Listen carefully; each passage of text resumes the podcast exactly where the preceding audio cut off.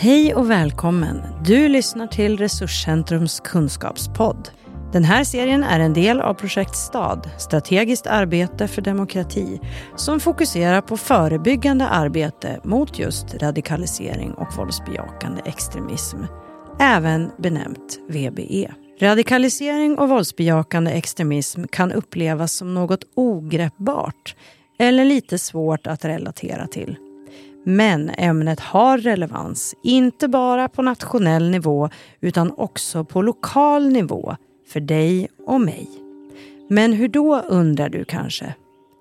Tillsammans med våra gäster ska jag försöka göra det tydligare och mer hanterbart. Jag som välkomnar dig till podden heter Ylva Wistrand och är din guide och programledare. I det här avsnittet ska vi fokusera på polisens sätt att arbeta strategiskt förebyggande mot radikalisering och VB. Vi hoppas att det här avsnittet ska ge dig en bättre inblick i vad det innebär och hur omvärldshändelser påverkar myndigheten och lite mer om hur en kommunpolis funktion och arbetsvardag kan te sig. Idag har jag Mariana Handler, kommunpolis för Krokom, Åre och Strömsund med i studion. Mariana gjorde sin utbildningstid vid Polishögskolan i Umeå, men jag vet att hon lika gärna kunnat satsa fullt ut på längdskidåkning. Hej Mariana, varmt välkommen! Tack så mycket. Hur ser det ut med längdskidåkningen idag? Är det någonting som du fortfarande brinner för? Absolut. Jag älskar att åka skidor. Det är den bästa träningsformen enligt mig. Hur kom det sig att du började med det? Eh, jag föddes nog in i det skulle jag nog säga. Jag har fem år äldre syskon som åkte skidor tidigt. Eh, så då hängde jag bara på.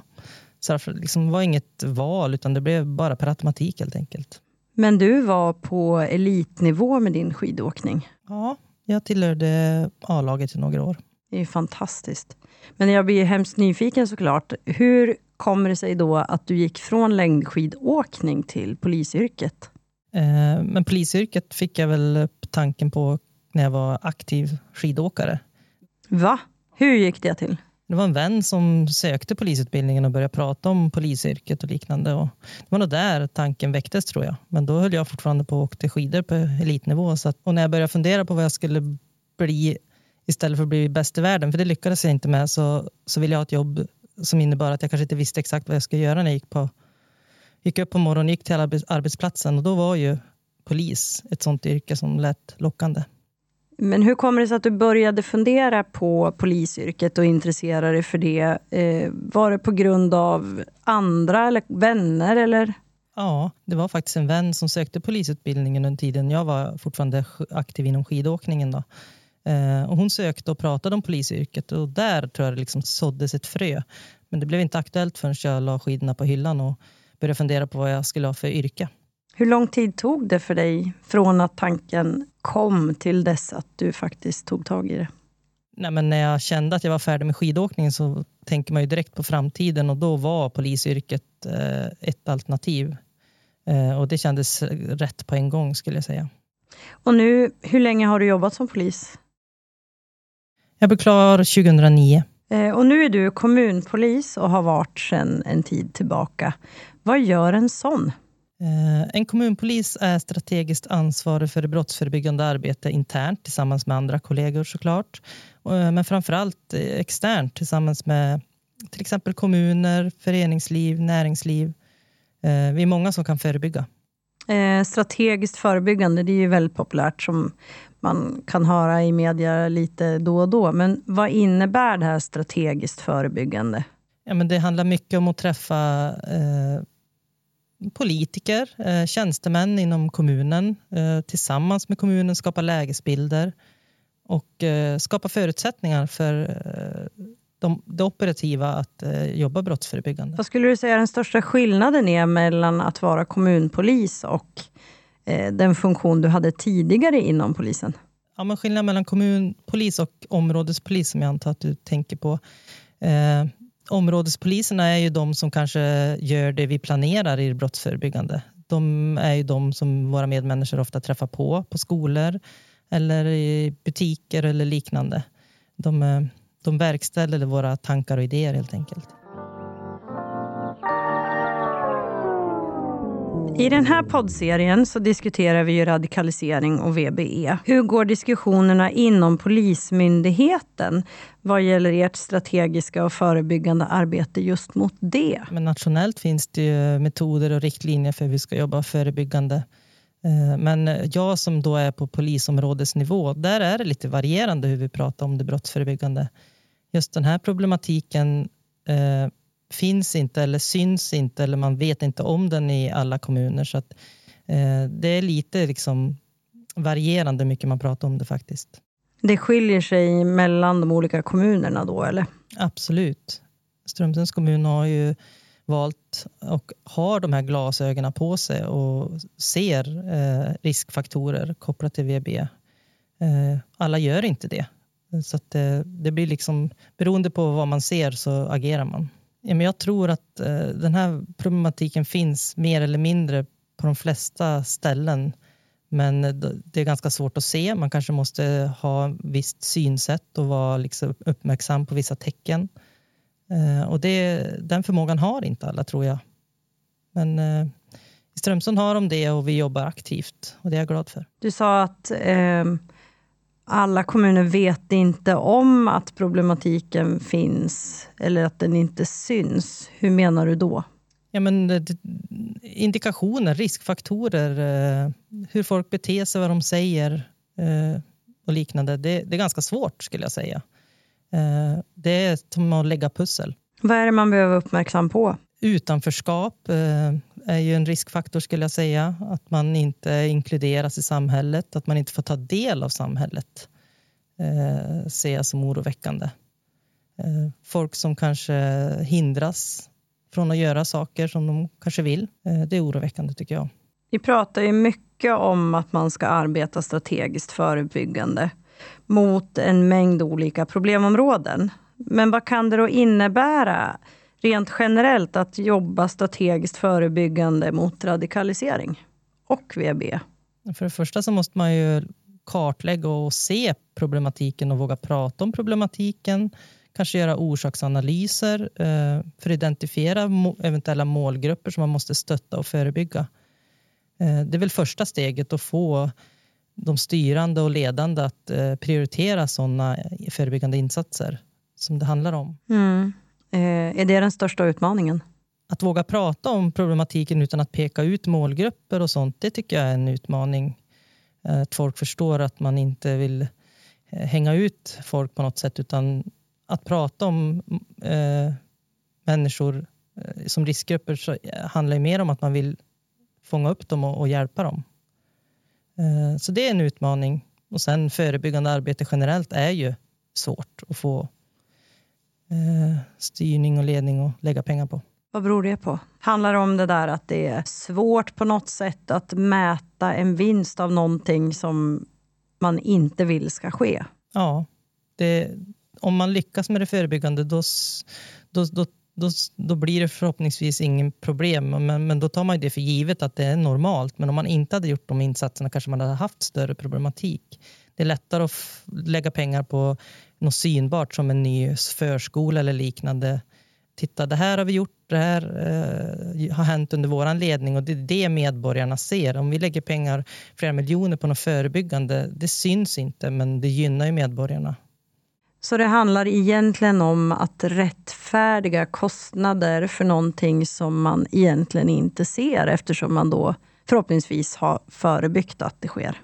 Ja, och det, det du liksom satsar idag kanske liksom har effekt om tio år. Då sitter du kanske inte i ledande position utan då är det de som styr och leder som får en, eh, en bra förutsättning. Men oavsett kan jag tycka att eh, det viktiga är väl att det blir bra. Eh, sen vem som styr under den tiden är väl irrelevant anser jag. Alltså är det långsiktiga perspektivet, de glasögonen man behöver ha när man pratar om förebyggande arbete?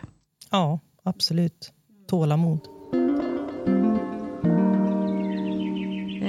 Men Mariana, du samverkar ju mycket aktivt med de kommunerna som du är knuten till. Det är både oss då, här i Strömsund, och Åre och Krokom. Vad är din roll när det gäller radikalisering och VB och förebyggande arbete där? Varför ska vi samverka egentligen mellan myndigheter eller mellan myndighet och kommun?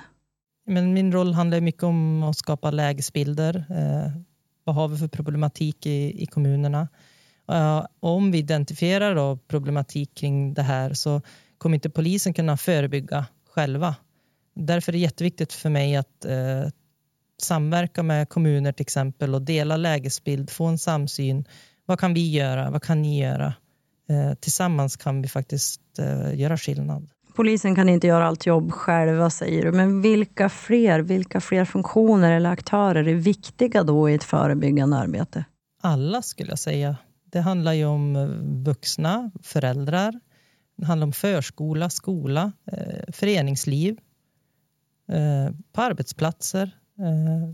Alla kan på något sätt bidra till att jobba förebyggande. Kan man få en medmänniska att känna sig inkluderad och sedd så är det förebyggande. En skyddsfaktor. Ja. En kommun har ju som uppgift också att jobba strategiskt förebyggande. Alltså att förebygga brott på olika sätt och det ska vi göra utifrån fakta och evidens. Och polisens roll eh, den är ju inte enbart heller att lagföra utan också att samverka med kommunerna. Vad kan det innebära ur en förebyggande aspekt. Ja, men det handlar ju till exempel om att vi delar med oss om våran, av vår lägesbild över kommunen. Alltså vad ser vi för problematik? Hur ser brottsstatistiken ut i kommunen? Eh, vad ser våra medarbetare när de är ute och jobbar? Vad känner de oro för? Eh, det handlar om medborgardialoger. Vad känner medborgarna oro för? Om vi ska kunna förebygga så måste vi veta vad vi ska förebygga liksom, mot. Vad har vi för problematik? Eh, det blir oftast bättre om man eh, identifierar ett visst problem. Det är större chans att man har rätt åtgärder då. Generellt, vad vill eller vad behöver kommunerna samverka kring med er i polisen? Vad vill man ha stöd i? Men ofta vill de ha oss med eh, när vi träffar politiker för att få tyngd i det de säger kanske. Att vi bekräftar deras oro som de har identifierat i sin lägesbild. Eh, de kan ha med oss, för ibland så kan det vara lättare att förmedla ett budskap till medborgarna om polisen står med och, och, och också pratar om samma sak. Sen tror jag att om man är tillsammans och agerar tillsammans så, så är det en form av trygghet för medborgarna också. Att vi, vi, vi agerar tillsammans, vi vill samma sak. Eh, det är en styrka. Det pratas en del i media om hur bilden av Sverige har förändrats ute i världen. Hur ser du på det? Eh, det är olyckligt att Sverige har fått det rykte som det har fått. Jag tycker det är obefogat. Eh, jag är stolt över Sverige och jag tycker vi är mån om allas rättigheter och liknande. Så att, eh, jag tycker det, det är trist och det är viktigt att vi motbevisar det där. Att vi berättar vår egen historia. Eh, hur det fungerar och hur det faktiskt ligger till. Det gör mig ledsen för det får oss att bli rädda. Eh, jag tror vi ändrar vårt beteendemönster även om vi uppmanas till att agera normalt. Eh, rädda människor ju, kan ibland bli farliga människor. Men eh, jag tycker... Hur menar du då? Ja, men man blir mer misstänksam. Eh, jag tror man kanske vi blir mer isolerade i rädsla för människor. Eh, framförallt eh, okända människor. Det är ju inte gynnsamt för inkludering och gemenskap skulle jag säga. Hur påverkas du och dina kollegor av en förändrad syn på Sverige? Och de terrorattentat som sker. Eh, jag tänker också på de påverkanskampanjer som har skett kring svensk socialtjänst och Sverige utmålas som ett islamofobiskt land till exempel. Eh, det ställer ju ännu större krav på att vi eh, berättar vår egen historia, och att vi agerar rätt i alla situationer. Det ska vi ju oavsett, men det blir ännu viktigare. Vi granskas ju kanske ännu mer. Vi blir mer ifrågasatt, våra beslut och liknande. Men eh, jag tycker det är viktigt att vi står fast vid vad som gäller och, och, och följer det. Som idag när jag var på mammagrupp till exempel för några somaliska kvinnor. Då pratade jag om polisens roll och våran, våra rättigheter och våra skyldigheter. Eh, om socialtjänsten pratar jag. Vi måste ju liksom visa en annan bild än vad som kanske målas upp som är felaktig. Många anser att man kanske gömmer sig bakom yttrandefriheten vid koranbränningar till exempel. Hur ser du på det? Hur ska vi hantera yttrandefriheten? Ja, men yttrandefriheten är ju fantastisk eh, och enligt eh, vår grundlag så är ju inte det är, det är ju inte ett brott att bränna Koranen oavsett vad vi tycker om det. Eh, jag tror det är viktigt att vi följer våra grundlagar och tar beslut utifrån dem. Sen kan man ju såklart ifrågasätta lämpligheten. Eh, men jag vill absolut inte att eh, hot om våld eller våld ska få oss att ändra vår lagstiftning. Varför då? Varför är det viktigt? Jag tycker inte att det är den starka och den som hotar med våld som ska få styra och ställa och, och sätta regler då är vi farligt ute. Då vi lämnar den demokratiska samhällsordningen. Ja. I den här poddserien så pratar vi om radikalisering och VB generellt. Hur skulle du beskriva radikalisering och våldsbejakande extremism för en lyssnare som inte är så insatt? Vad betyder radikalisering för dig? Men radikalisering, då är man ju liksom radikal kanske i sin syn och, och, och sitt leverne. Men att vara radikal är inte brottsligt förrän man eh, accepterar våld för att få sin vilja igenom. Vad jag tycker är radikalt det är en sak, vad någon annan människa tycker radikalt det kan ju vara något annat. Liksom. Jag tycker det är ganska svårt. Det beror på sammanhanget. Ja. Vem kan bli radikaliserad? Vem som helst kan säkert bli radikaliserad beroende på vad som händer i livet och hur man mår. Men människor som har tillhörighet och inte känner sig liksom förbisedd eller orättvist behandlad tror jag löper mindre risk att, att hamna där. Det är tydliga skyddsfaktorer som du pratar om. Finns det någon skillnad eller någon likhet mellan att vara radikaliserad och eller att vara våldsbejakande extremism? Finns det skillnader eller likheter i det? Alltså, du kan ju vara radikal, men du, bara för, du kan ju vara hur radikal du vill i lägenheten och, och det skadar ju ingen. Men sen kan du vara radikal så pass och så mycket och, och komma till den punkt att du rättfärdigar våld så att du kanske finansierar eller uppmanar till våld. Och det är då det blir våldsbejakande extremism anser jag.